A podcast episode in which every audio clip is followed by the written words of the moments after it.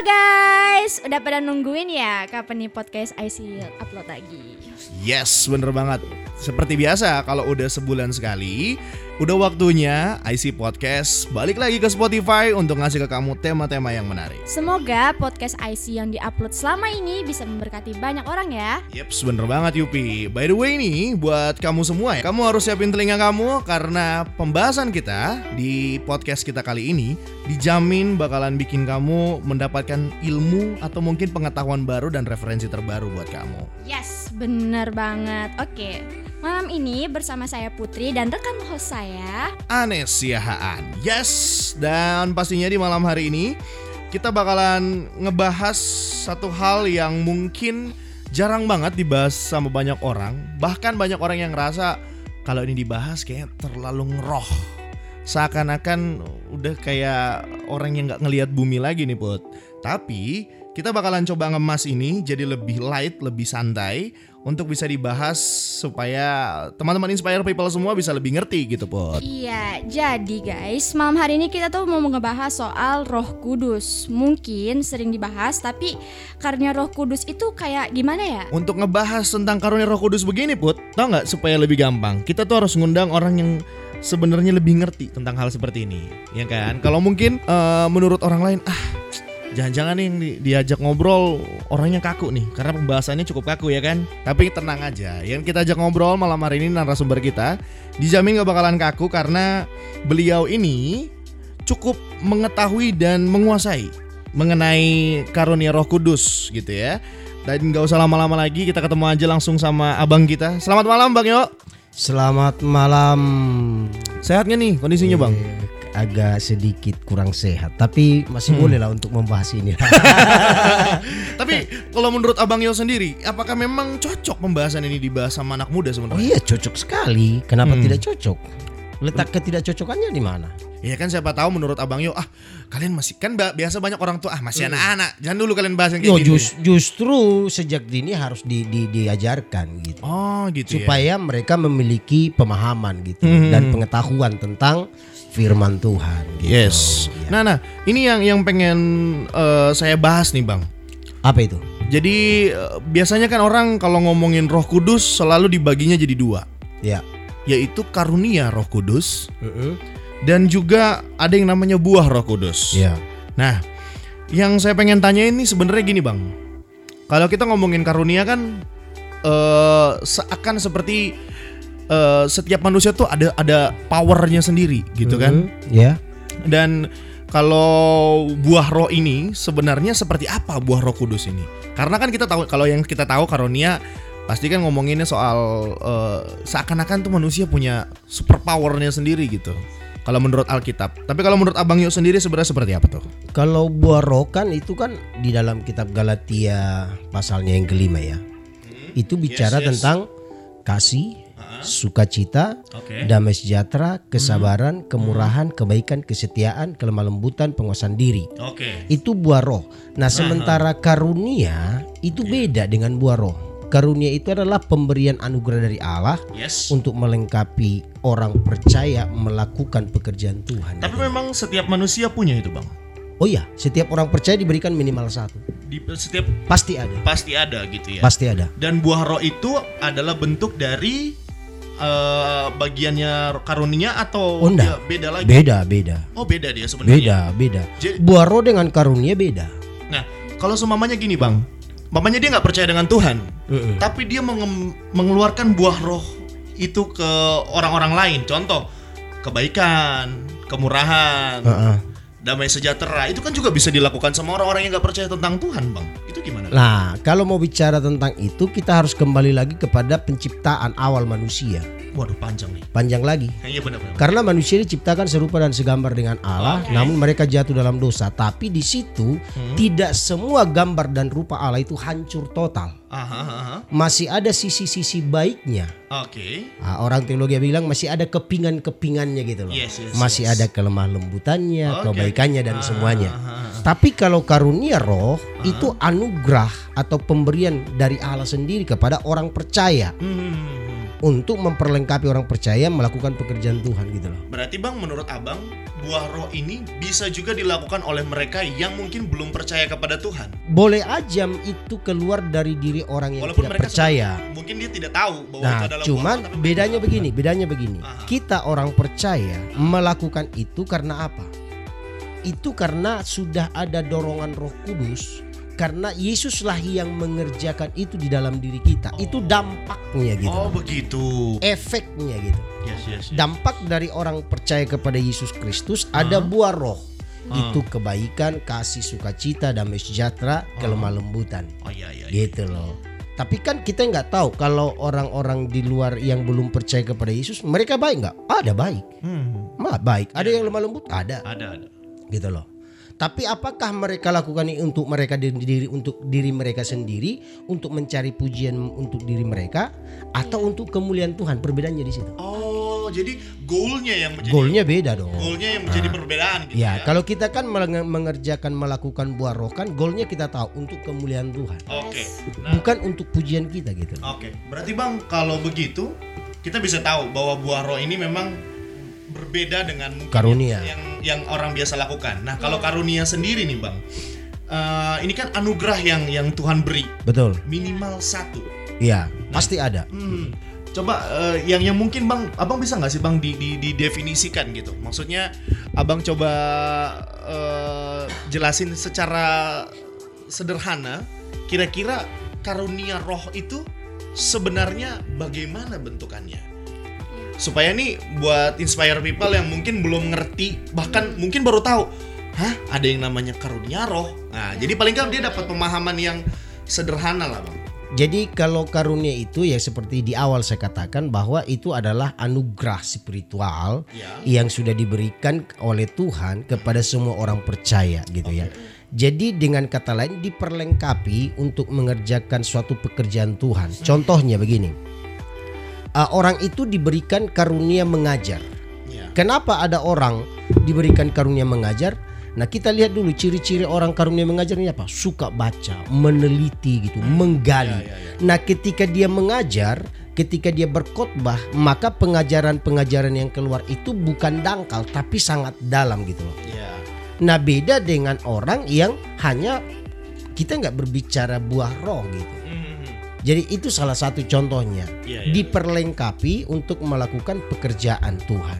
Oke. Kar itu karunia Oke. yang saya tahu dan itu yang sesuai dengan Alkitab gitu. Berarti dari penjelasannya Abang mengenai karunia, perbedaannya dengan orang yang belum percaya dengan Tuhan adalah output yang keluar. Yap, Dan kalau uh, buah roh itu yang yang buat berbeda adalah goalnya. goalnya, tujuannya Iya. yang berbeda gitu ya. Mm-mm, iya. Oke deh. Mungkin kalau Putri gini, ada nggak nih yang pengen dibahas kira-kira sama Abang nih? Kan udah mulai cukup panjang nih. Coba kira-kira kalau Putri sendiri gimana tuh? Jangan nu- langsung digas ya. Oh, ah, siap, siap, siap. ini ini pemanasan kayak sudah mau digas ini. Seru-seru gitu. Begitu ya. Seru, soalnya abang ini pembahasannya seru. Oke, Oke, lanjut. kita lanjut ya bang. Mm-mm. Jadi kan tadi kita sempat ngebahas soal eh, karunia Roh Kudus gitu kan ya. Karunia Roh Kudus ini kan apa ya untuk kita anak muda yang paling sering kita dengar tuh buah-buah roh gitu Mm-mm. kan. Bukan karunia Roh Kudus tuh kayak jarang banget gitu. Ya. Tadi Abang sempat eh, bilang soal eh, karunia Roh Kudus itu ada di setiap orang gitu Mhm. kan ya. Nah, itu hanya ada untuk orang-orang tertentu saja kayak misalnya kayak pendeta begitu, kayak gembala dan lain-lain atau apa sih misalnya gini aja bang bedanya apa sih karunianya untuk orang-orang yang biasa biasa gitu dengan pendeta-pendeta gembala-gembala kayak gitu bang Nah, oke. Ini saya sebelumnya saya baca dulu ayatnya tentang karunia roh ya supaya Yes, kita yes, tahu yes, gitu. yes, yes. Oke, Nah, dalam Roma 12 ayatnya yang keenam begini. Demikianlah kita mempunyai karunia yang berlain-lainan. Oke. Menurut kasih karunia yang dianugerahkan kepada kita. Jika karunia itu adalah untuk bernubuat, baiklah kita melakukannya sesuai dengan iman kita. Jika karunia untuk melayani, baiklah kita melayani. Yes. Itu sudah dua, ya. Jika karunia untuk mengajar, baiklah kita mengajar. Tiga. Jika karunia untuk menasihati, baiklah kita menasihati. Empat. Siapa yang membagi-bagikan sesuatu hendaklah ia melakukannya dengan hati yang ikhlas, berarti karunia memberi. Iya. Siapa yang memberi pimpinan hendaklah ia melakukannya dengan rajin, karunia memimpin. Enam toh? Siapa yang menunjukkan kemurahan hendaklah ia melakukannya dengan sukacita, karunia kemurahan. Ada tujuh karunia yang Tuhan berikan. Nah kepada siapa? Yang mau mengerjakan pekerjaan Tuhan. Oh, yes, yes, yes, yes. Nah karunia itu akan muncul ketika kita terjun dalam pekerjaan Tuhan. Ah, Oke. Gitu loh. Nah ibaratnya kan Tuhan itu di dalam uh, dalam perumpamaan memberi talenta. Ini kita kembali lagi kepada talenta. Talenta dengan karunia beda loh ya. beda, Iya, beda, beda, beda. Karena talenta itu bakat Yes, Iya. yes. yang dibawa sejak lahir Ah. gitu. Sementara karunia pemberian Tuhan gitu. Yes. Nah, seseorang diberikan talenta untuk mendapatkan untung lagi gitu ya. Ah, Di dalam perumpamaan yang Alkitab sampaikan. Nah, karunia Tuhan berikan kepada mereka yang mau mengerjakan pekerjaan Tuhan. Kalau mereka nggak mau mengerjakan pengerjaan pekerjaan Tuhan, untuk apa karunia Tuhan mau kasih? Iya juga sih, benar sih. Betul sih. Betul. Betul, make sense. Oh make iya. sense, make Oh iyalah. Yes, yes, yes. Jadi, apakah Tuhan itu penuh dengan kemurahan? Iya. Makanya setidaknya masing-masing orang percaya pasti ada satu. Oke. Gitu. Tinggal kita sekarang mau mengembangkan karunia itu gitu loh. Ah, iya, iya. Supaya semakin tajam. Gitu. Ya kan? Oke. Tapi kalau kita tidak mau mempertajam itu kita cuman hanya tidur tidur tidur dan tidak mau terjun dalam pekerjaan Tuhan ya Tuhan bisa berikan kepada orang lain gitu. Yes. Oke deh. Nah ini ini ini sebenarnya saya tadi nangkep satu hal yang yang menarik nih bang. Ya. Tadi kan abang bilang melakukan pekerjaan Tuhan. Nah yang saya pengen tanya bang sebenarnya sederhana. Heeh. Kalau kita ngomongin pekerjaan Tuhan banyak orang yang pasti berpikiran pelayanan Ya. ibadah raya. Iya nggak sih? Heeh. Sedangkan kan kita tahu eh, bicara soal pelayanan ibadah raya kan nggak mungkin dong semuanya orang akan terjun ke dalam eh, dunia pelayanan di gereja ibadah raya gitu kan. Oke. Sebenarnya pekerjaan Tuhan yang seperti apa, Bang? Pekerjaan Tuhan itu kan banyak. Hmm. Pekerjaan Tuhan itu bukan hanya di gereja. Oke. Segala sesuatu yang kita mau kerjakan kita lakukan untuk Tuhan. Hmm. Apa pun itu. Ya. Itu pekerjaan Tuhan. Jadi biarpun kita di dunia sekuler pun Oh, pekerjaan Tuhan. selama itu untuk memuliakan Tuhan. Karena in, goalnya kita itu jelas. Oke. Goalnya kita jelas. Hmm. Apa pun yang kamu lakukan, lakukanlah seperti untuk Tuhan. Ketika orang di dalam kuliah, yaitu di, di, di, di kampus itu mimbarmu Ah, benar-benar. untuk memberitakan Injil, untuk kau menjadi garam dan terang di sana menjadi berkat. Oke. Dan Tuhan akan memberikan kepadamu karunia yang tepat untuk itu, Oke, oke. gitu loh. Apakah mungkin nanti karunia untuk menyampaikan firman Tuhan atau berkhotbah, gitu kan? Tuhan akan perlengkapi. Nah, yang saya bicarakan tentang karunia tadi kan dalam kitab Roma. Yes. Nah, ada lagi dalam satu Korintus tentang karunia. Nah, saya coba baca ya Yes. uh, dalam kitab kar, uh, ka- karunia, kitab satu Korintus, Korintus. Korintus. Aduh. Nah, ya. Jadi ini dalam dalam satu kitab Korintus, ah, tetapi kepada tiap-tiap orang dikaruniakan pernyataan roh untuk kepentingan bersama. Sebab kepada yang seorang roh memberikan karunia untuk berkata-kata dengan hikmat. Dan kepada yang lain roh yang sama memberikan karunia berkata-kata dengan pengetahuan. Kepada yang seorang roh yang sama memberikan iman, karunia iman. Dan kepada yang lain ia memberikan karunia untuk menyembuhkan. Ada. Kepada yang seorang roh memberikan kuasa untuk mengadakan mujizat. Dan kepada yang lain ia memberikan karunia untuk bernubuat. Dan kepada yang lain lagi ia memberikan karunia untuk membedakan bermacam-macam roh. Kepada yang seorang ia memberikan karunia untuk berkata-kata dengan bahasa roh. Dan kepada yang lain ia memberikan karunia untuk menafsirkan bahasa roh. Banyak karunia itu.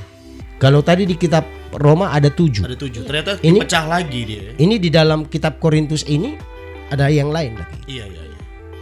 Semuanya satu tubuh. Semuanya dari satu roh, yaitu roh Allah. Yes. diperlengkapi untuk mengerjakan pekerjaan. Hmm. Gitu. Nah ini nih yang pengen saya lanjut bang. Tadi kan kita udah ngomong eh, bahwa untuk melakukan pekerjaan Tuhan. Ya.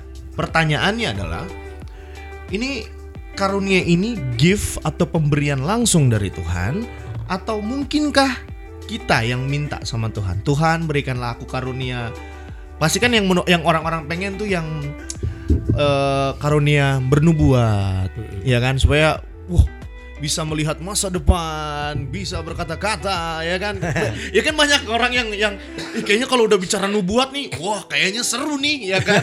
Ya. ya kan? Ah. Pasti kan karunianya dipilih dong. Ah. Pengennya pasti kalau nggak karunia bernubuat, karunia memimpin, ya kan? Keren gitu ya. Iya, karena kan ter- ter- terkesan, ih kapan lagi ya kan? Tiba-tiba punya karunia bisa jadi seorang pemimpin Heeh. atau mungkin karunia bernubuat. Tapi sebenarnya bang, apakah itu hak prerogatif atau langsung yang datang dari Tuhan? Atau memang kita bisa milih sebenarnya? Begini loh, yang di awal kan saya sudah bilang itu pemberian dari Allah Ah, bagi mereka yang mau mengerjakan pekerjaan Tuhan. Tuhan tidak akan memberikan kepada seseorang karunia bernubuat sementara dia hanya tinggal di rumah saja. Dan Tuhan tahu motivasi seseorang ketika nanti Tuhan berikan karunia bernubuat bisa hancur pekerjaan Tuhan. Ya. Berarti kita tahu bahwa Tuhan tidak akan mempermalukan dirinya. Oh iya, Yes. ada orang bernubuat, bernubuat, bernubuat, bernubuat atau lubuat kan gitu. Ya. Ah, istilah yang sangat bagus tuh kayaknya. Pakai-pakai ayat Alkitab segala, Ah, ya kan? iya, iya betul tuh. Ini nubuat atau lubuat? Iya Gitu. benar-benar. Kadang-kadang pakai penafsiran sendiri. Woi, nah itu Mengalahkan penafsirannya King James. Nah ini yang bermasalah dan orang sangat senang kalau dinubuatin. Ya, Tuhan bicara. Eh, Tuhan bicara. Emangnya tidak cukup Alkitab yang ngomong kah? betul. Harus pakai Tuhan bicara. Yes, yes. Ketika yes. kita baca firman, Tuhan bicara. Jadi bukan hal yang sesuatu hal yang sangat-sangat spektakuler. Tuhan bicara kepada saya. Ih, kepada semua orang yang baca Alkitab Tuhan bicara. betul. Gitu loh. Memang ada yang secara audible, Hmm, yaitu kasih karunia gitu. ya. Tapi apakah kita orang-orang percaya yang mungkin belum pernah dengar suara Tuhan, apakah Tuhan tidak bicara? Siapa bilang? Yes. Ketika kita baca Alkitab dan dia menegur kita lewat itu firman, Tuhan bicara. Hmm. Gitu. Dan bahasa yang selalu sama dan Nah. tidak pernah berubah. Iya, baru yang kedua selanjutnya begini. Kita bisa ter- minta nggak karunia itu? Bisa, Hmm. bisa kita minta. Tapi kembali kepada sang pemberi gitu. Ya, Jangan kita ngotot karunia eh, apa memimpin. memimpin Ah, kita aja nggak mau dipimpin. Ini kan repot. Bagaimana caranya guys? Iya, iya, iya, iya, kan? benar, benar, benar, benar, benar, benar. You nggak mau dipimpin tapi you minta karunia untuk memimpin. Tuhan itu tidak bisa dibohongi, men. Iya, iya, iya. iya. Tuhan itu maha tahu gitu loh. Jadi memang ini menjadi uh, keputusan dari Tuhan Udah langsung. Tuhan dong. Yes. Oh iya, dia Dan- pemberi. Dan mungkin ketika kita mendapatkan karunia itu dari Tuhan, mungkin kita kayak ngerasa Tuhan jangan ini dong. Contoh, mungkin dia orang yang sebenarnya eh ibaratnya diberikan Tuhan karunia untuk bisa memberi. Tapi ketika dia memberi itu dia kayak Ih Tuhan, kalau begini terus susah saya nih. Cuman pada akhirnya dia belajar dan dia bisa bisa menerima. Mungkin ada case-case seperti itu ya kali bang ya. Tuhan tidak pernah salah memberikan karunia-Nya kepada seorang seseorang. Yes. Oke. Kalau Tuhan memberikan kepada seseorang karunia memberi, itu tepat. Tinggal orang itu mau ndak mengembangkan. Tuhan tidak pernah membuat seseorang menjadi miskin dan melarat dan menderita. Enggak. Berarti memang bang kembali lagi kepada kita apakah kita mau melakukan apa yang Tuhan sudah beri berarti Iya. ya. Contohnya kepada saya. Apa yang Tuhan berikan kepada saya? Hmm. Berarti karunia melayani. Karena saya di di di di, di, di ladang Tuhan. Ya. ya kan? Apakah Tuhan bisa memberikan karunia memimpin? Bisa jadi. Apakah bisa karunia untuk bernubuat? Bisa jadi. Hmm. Gitu loh. Apakah Tuhan akan tambah-tambahkan? Bisa jadi. Hmm. Untuk memperlengkapi saya semakin cakap dalam pekerjaan Tuhan. Iya iya. Bukan untuk jadi sombong-sombongan, gengsi-gengsi. Oh saya dikasih karunia. Bukan. Iya iya. iya. Karena semua golnya untuk kemuliaan Tuhan. Cuman kan sekarang begini, manusia ini kan ketika sudah diberikan karunia, katakanlah karunia menyembuhkan, Hmm. ya toh, tumpang tangan sembuh, tumpang tangan sembuh. Akhirnya, nah ini yang repotnya begini, mungkin si pendetanya tidak salah, tapi akhirnya orang lain sudah menuhankan pendeta ini. Ah, ini nih di Dia jam minta didoakan sama si apa? Bet- bet- betul bang. Ini gini, ini, Ini di kan zaman di, di zaman sekarang ini lagi lagi zamannya seperti itu. Iya benar-benar. Ketika tahu oh ini pendeta bisa menyembuhkan, wah langsung lari ke sana. Ada pendeta yang tahu bisa bernubuat, ah dikejar ke sana. iya betul bang karena waktu saya masih di Jakarta jadi saya nggak mau nyebut namanya sih tapi pendeta ini cukup dikenal punya kemampuan memberikan nubuat gitu kebetulan waktu itu saya lagi eh, bingung antara mau di Palu atau di Jakarta Ya. Nah kebetulan eh, teman saya yang satu ini yang ternyata karena lagi stres tiba-tiba digoyang lah. Ayo kita datang ke pendeta ini siapa tahu bisa bernubuat hal yang baik. Dalam hatiku tunggu dulu nih datang ke sana emang mau nyari Tuhan atau nyari nubuatnya nih. Ah, oke, kita sedikit ini dulu bergeser ya. Ah, Ah, bisakah pendeta itu bernubuat dan Tuhan taruh sesuatu dalam hati pendeta itu kepada seseorang? Bisa. Tapi biarpun pendeta itu bernubuat beribu-ribu kali, kalau kita tidak mau ngikut Tuhan, nubuatan itu nonsen. oh, Eh, kita harus hidupi dong. Yes. Tidak serta merta simsalabim nubuatan itu terjadi nggak bisa. hmm. Gitu loh. Berarti memang di, berarti Tuhan begitu baik bang ya. Oh, Setelah iya. dia berikan hal yang sangat luar biasa ini ke dalam hidup kita, masih dia bilang lagi, terserah Anda mau pakai atau tidak, gitu Gini, loh. ya. Jadi contohnya, katakanlah pendeta bernubuat sama Feli. Hmm. Tuhan akan memakaimu bla bla bla bla bla bla bla bla. Bagus bagus, keren keren. Ah. Tapi Feli tidak mau bangun hubungan dengan Tuhan, tidak rajin baca Alkitab, tidak berdoa, tidak mengerjakan keselamatan. Nubuatan itu terjadi nggak? Ya tidak terjadi. Iya dong, bener dong. Musim sebelumnya nggak bisa Oh dong. iya benar benar benar benar benar. Gitu loh. Jadi orang bangga dinubuatin. Aha. Saya pun pernah dinubuatin berkali-kali. Bukan pendeta di Indonesia, pendeta luar negeri. Ah. Gitu loh. Pendeta luar negeri ketika saya kuliah di Semarang. Ini seorang nabi ya, bukan pendeta abal-abal orang bukan cuman hanya nubuat-nubuat begitu gitu. Aha. Dia nggak kenal saya, apalagi saya kenal dia nggak ada bahasa juga nggak ngerti Iya iya iya. gitu. Apakah nubuat itu terjadi sampai sekarang? Saya lagi tanya terus sama Tuhan sampai sekarang. Dari tahun 2002 sampai sekarang. Hampir hampir Berapa tahun itu? hampir 20 tahun. hampir dulu 2002 sampai 2021 ini. Iya iya, 20 20. Iya, kalau tahun depan berarti udah 20 tahun. Itu belum terjadi. Apakah nubuatan itu salah? Saya nggak nggak berkata nubuatan itu salah, Ah iya iya. iya. gitu. Saya kan tunggu. Kalau memang itu betul terjadi, saya kan tetap kejar Tuhan, gitu. Bukan nuntut terus itu nubuatan itu terjadi, terjadi gitu. Oh, berarti sambil menunggu kairosnya Tuhan tetaplah Iya. bekerja begitu. Tuhan memberikan kepada seseorang karunia untuk bernubuat. Tapi untuk nubuat itu bisa terjadi orang yang dinubuatin itu yang harus aktif gitu. Ah. karena Tuhan tidak suka orang malas.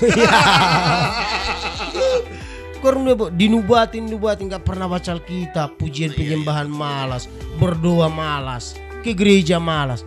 Terus simsalabim nubuatannya terjadi. Enak sekali.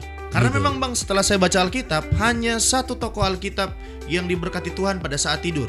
Itu cuma Adam yang diberikan Hawa. Sisanya kayaknya nggak pernah saya lihat ada tokoh Alkitab yang sementara tidur, malas-malasan, ya kan?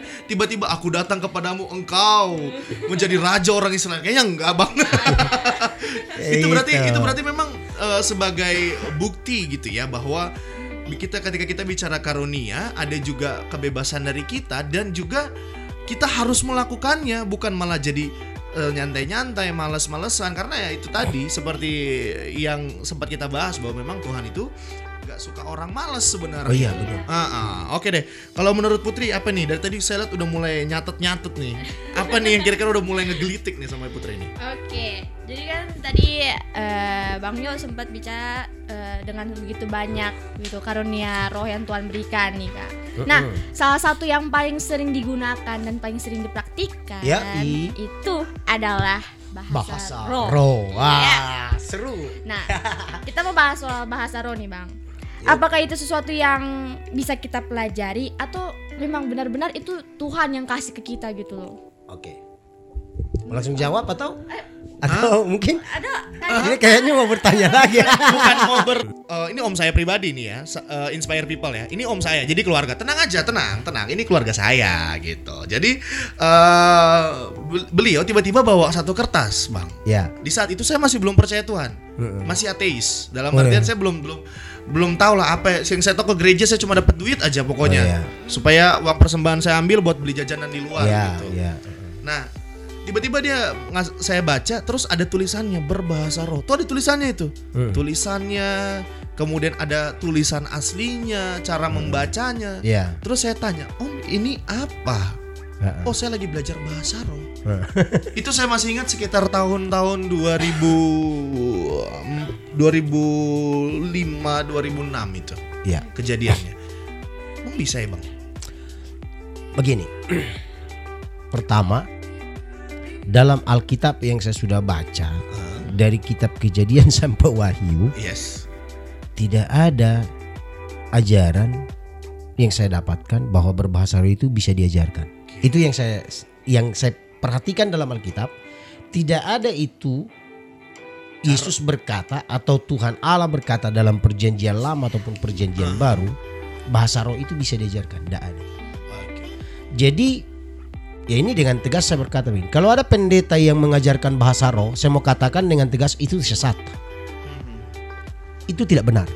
Jadi kalau ada pendeta mengajarkan bahasa roh itu sesat. Karena belum ada ayatnya dan tidak akan ada ayatnya. Bahasa roh itu dari mana? Dari Tuhan. Dipenuhi oleh Roh Kudus. Nah itu di- bisa diterima semua orang percaya? Tergantung kerinduan kita. Oke. Saya ber, ber- berlahir baru tahun 96. Hmm. Saya mendapatkan bahasa roh tahun 2002 di Semarang. Cukup lama ya. Cukup lama. Dan saya pernah menentang bahasa roh. Hmm. Saya sudah di gereja karismatik. Hmm. Pernah saya menentang bahasa roh. Ya. Karena apa? Saya tidak pernah mendengar ada orang yang menafsirkan bahasa roh. Masalahnya di situ. Sampai suatu saat saya ketemu dengan seseorang yang Tuhan kasih karunia menafsirkan bahasa roh. Dan orangnya ada di Palu. Nah, nah ini ini yang menarik bang. Eh, ngomongin soal bahasa roh juga. Ini biasanya di kita nih anak-anak muda, apalagi yang belum percaya Tuhan atau mungkin yang baru bertobat. Kan kadang kita tidak pernah tahu kita ketika masuk ke gereja duduknya di sebelah siapa. Iya. Kemudian ketika mungkin di sebelah kiri dan kanan tiba-tiba berbahasa roh dan dia baru tobat dia langsung kerasa ini kayaknya saya belum jadi Kristen kalau belum bisa bahasa roh gitu. Betul. Nah, sebenarnya kalau menurut pandangannya Abang sendiri, bagi eh, beberapa nih anak-anak muda bahkan kita ya, saya bisa bilang kita yang belum bisa berbahasa roh. Menurut Abang bagaimana? Apakah kurang rohani kah daripada orang yang bisa berbahasa roh atau gimana sebenarnya? Ayat Alkitab tadi ngomong apa? Kepada yang seseorang ia memberi, memberikan karunia untuk berkata-kata dengan bahasa roh. Kepada yang seorang ia memberikan karunia untuk berkata-kata dengan bahasa roh. Itu kan karunia. Kira-kira bisa semua orang dapat nggak? Mungkin sih. Tergantung kerinduan seseorang. Yes. Jadi kalau saudara belum dapatkan bahasa roh ya jangan terintimidasi dong. Berarti sebenarnya nggak jadi masalah ya? Iya. saya tidak berkata tidak jadi masalah. Kita harus tahu kegunaan bahasa roh itu apa. Oh. Kalau kita tahu kegunaannya, kita akan mati-matian mengejar bahasa roh. Hmm. Gitu. Oh, memang harus ada pe- pembelajaran lebih dalam lagi Oh, iya. itu ya. Tapi bahasa roh nggak bisa ditiru.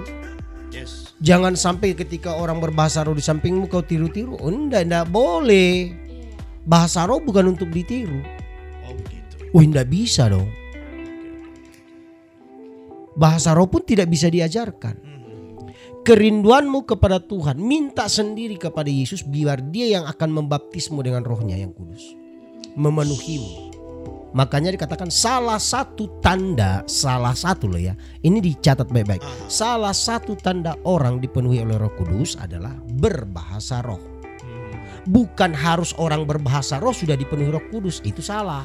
Salah satunya. Salah satu. Menjadi salah satu jadi bagian Ya, bagian gitu ya, loh. bagian. Salah satu. Tidak harus berbahasa roh baru orang itu dipenuhi Roh Kudus. Tidak. Hmm. Buat apa orang berbahasa roh tapi dia tidak menghasilkan buah pertobatan? Nggak ada hasil buah pertobatannya. Betul betul. Gitu. Dia menjadi batu sandungan dalam rumah, Yes. dalam pergaulan. Tidak berbuat apa-apa untuk kemuliaan Tuhan. Tahu-tahu berbahasa roh. Yes. Tapi kita lihat ada orang yang tidak berbahasa roh. Ih, memenangkan banyak jiwa. Kalau kita kita orang percaya harus minta. Gitu. Harus minta. Ini bang, eh, cukup menarik tadi ya. Seperti abang bilang, eh, berbahasa roh pun kalau tidak menghasilkan buah. Terus juga abang tadi ngomong, ketika kita punya karunia harus bisa memiliki eh, output gitu, punya keluarannya. Nah itu kan pasti salah satunya atau mungkin eh, bagiannya adalah men- menjadi buah roh juga gitu kan. Ketika keluar dari eh, keluarannya karunia, keluarannya eh, apa yang kita lakukan bahasa roh tadi, buahnya itu adalah buah roh juga kan? Pasti sejalan. Yes. Nah, kalau ngomongin soal sejalan ini, Bang.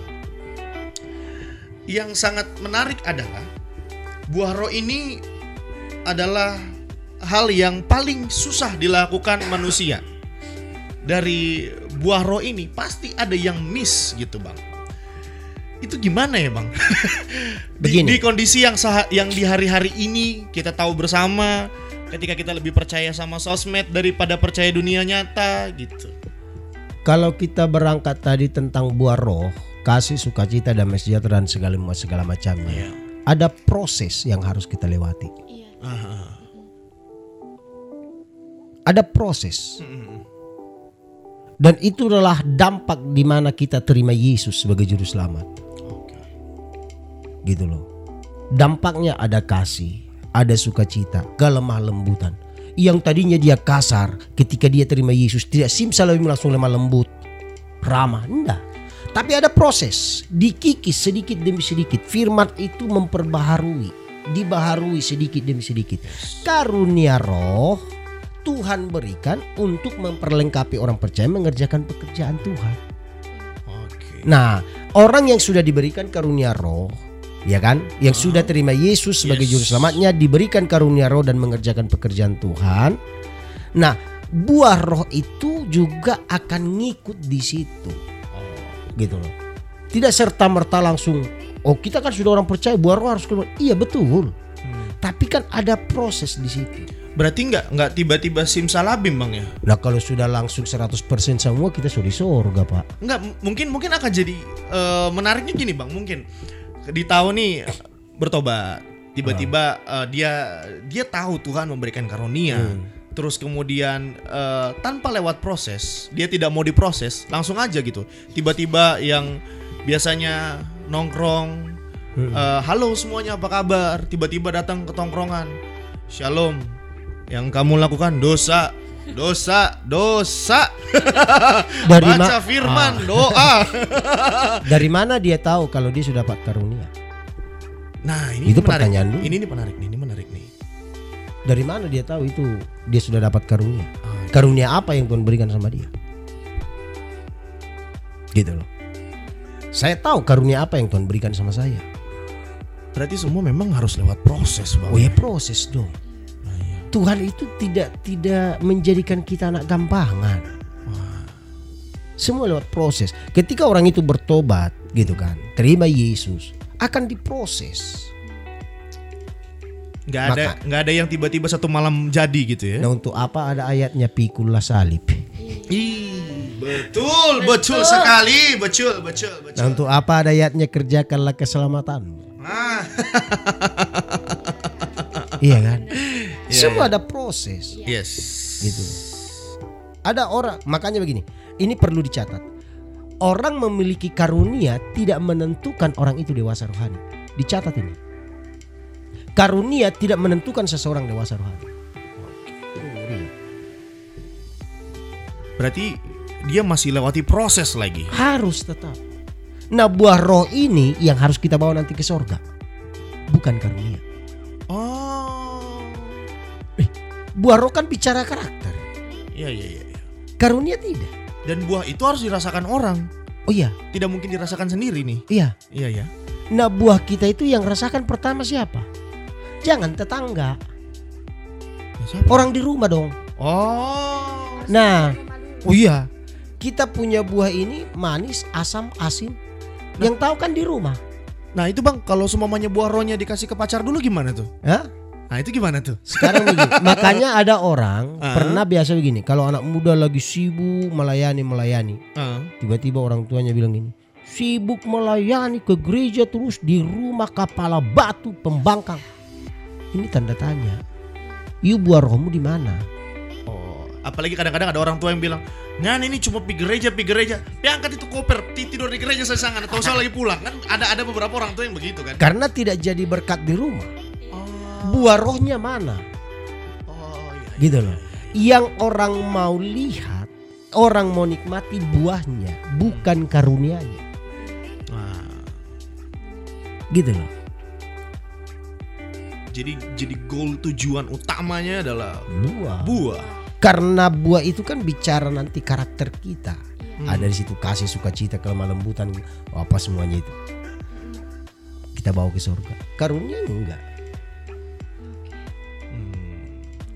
Gitu. Oh makanya ada ayat Alkitab bangnya ada orang eh, menyembuhkan dengan namaku bernubuat atas namaku tapi ketika eh, berada di depanku aku mengatakan aku tidak Ah mengenal beda konteks lagi itu. tapi oh tapi dia eh, nggak masuk berarti ya dalam dalam hal Beda lagi itu. Kita Oh. harus lihat ke perikopnya. Itu Oh. hal pengajaran sesat. oh hal pengajaran sesat Jadi jangan asal main uh, comot comot comot-comot ngomong papa ya kan tunggu dulu kan gitu tuh. Nah, nah kan makanya itu kan banyak kan orang yang biasanya karena mungkin ngerasa ah ini kayaknya sama deh masukin aja pelintir aja tiba-tiba. Nah, itu kan memperkosa ayat firman Tuhan namanya. Ah itu yang berbahaya berarti. Nah, ya. kalau memperkosa ayat firman Tuhan kan akhirnya nanti apa? Berusaha meng- meng- meng- mencopot ayat firman Tuhan untuk membela dirinya. Nah, itu yang Ah, repot. Tapi kan ayat firman Tuhan berkata begini, eh, you jangan copot firman Tuhan dong untuk membela kesalahanmu. Kan repot. Yes yes yes yes yes yes yes. yes. Oke deh. Karunia mencopot firman Tuhan. Ini memang sedang rame-ramenya. Oke. Kalau gitu Putri gimana lanjutannya nih? Oke. Dari sekian panjangnya pembahasan kita Abang Ha-ha. tentang karunia roh dan buah roh ini. Mungkin eh, Abang yuk bisa kasih apa ya istilahnya kesimpulan dari pembahasan yang kita hari ini gitu. Garis besar garis besarnya. Garis besarnya. Iya. Kalau dari saya pribadi, eh, teman-teman yang mendengarkan nanti podcast ini, ketika engkau menjadi orang yang percaya kepada Yesus Kristus, yang Tuhan minta dari kita adalah buah roh. Ya. Itulah yang harus kita terus-terus gali dari dalam hidup kita. Sehingga ketika buah roh itu sudah orang nikmati yang manis. Saya percaya begini. Teman-teman ketika minta karunia roh, Tuhan akan kasih. Tuhan akan berikan sesuai dengan pelayanan apa yang saudara teman-teman kerjakan. Dan semua orang yang percaya kepada Yesus Kristus diberikan karunia itu bagi mereka yang mau mengerjakan pekerjaan Tuhan. Itu sih dari saya. Berarti eh, tujuan utamanya adalah buah roh. Ya. Karena itu yang harus mencapai kepada kekekalan. Yes. Kita bukan mengejar karunia. Nah, bukan soal bukan soal apa yang kamu punya, tapi apa yang harus kamu bisa kasih keluar dan apa yang dirasakan orang. Ya. Yes. Itu. Oke deh. Ini pembahasan yang cukup panjang di malam hari ini karena memang pembahasan ini nggak bisa dibahas sebentar sebenarnya. Eh, nggak bisa. Iya kan? Karena cukup panjang. Iya. Cukup panjang. Sebenarnya ini aja masih kulit sebenarnya belum sampai inti sebenarnya. Ya kita kan bicaranya langsung kepada to the point aja gitu. Iya iya iya. iya.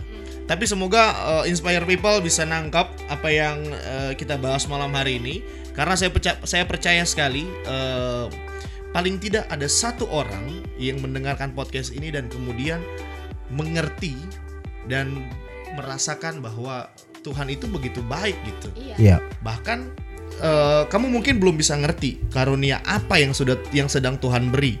Tapi yang harus kamu perhatikan adalah buah apa yang sudah kamu beri sama orang lain. Betul. itu yang harus jadi penyemangat kamu juga untuk bisa jalanin hidup. Oke, Ya. thank you, thank you nih buat abang Yo. Ya, mungkin ini penting sekali. Hmm, Yang orang akan akan nikmati itu buah. ya. Yes. Nah, itulah yang ditun yang diminta oleh Tuhan dari kita.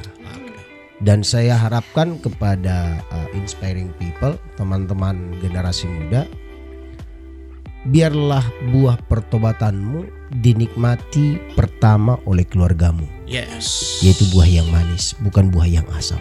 Amin. Itu harus diaminkan itu. Oke deh. Kalau gitu, makasih banyak buat Abang Yo buat Oke. waktunya. Nanti kita ketemu lagi di episode podcast yang lainnya pastinya Betul ya. sekali. Dan untuk Yupi, thank you nih. Thank you juga Kak Anes. Yes. Makasih. Yang pastinya kita bakalan ketemu lagi di episode podcast yang lainnya. Iya. Apakah kita akan berdua atau mungkin tiba-tiba Yupi dengan siapa atau Iya. tiba-tiba saya dengan siapa atau akan ketemu Iya. host lain yang pastinya selalu tetap dengerin Iya betul. podcastnya IC yang kamu bisa dengerin di Spotify. Saya Anisian pamit. Saya Putri pamit undur diri. Bye bye semuanya. God bless you. Bye bye. God.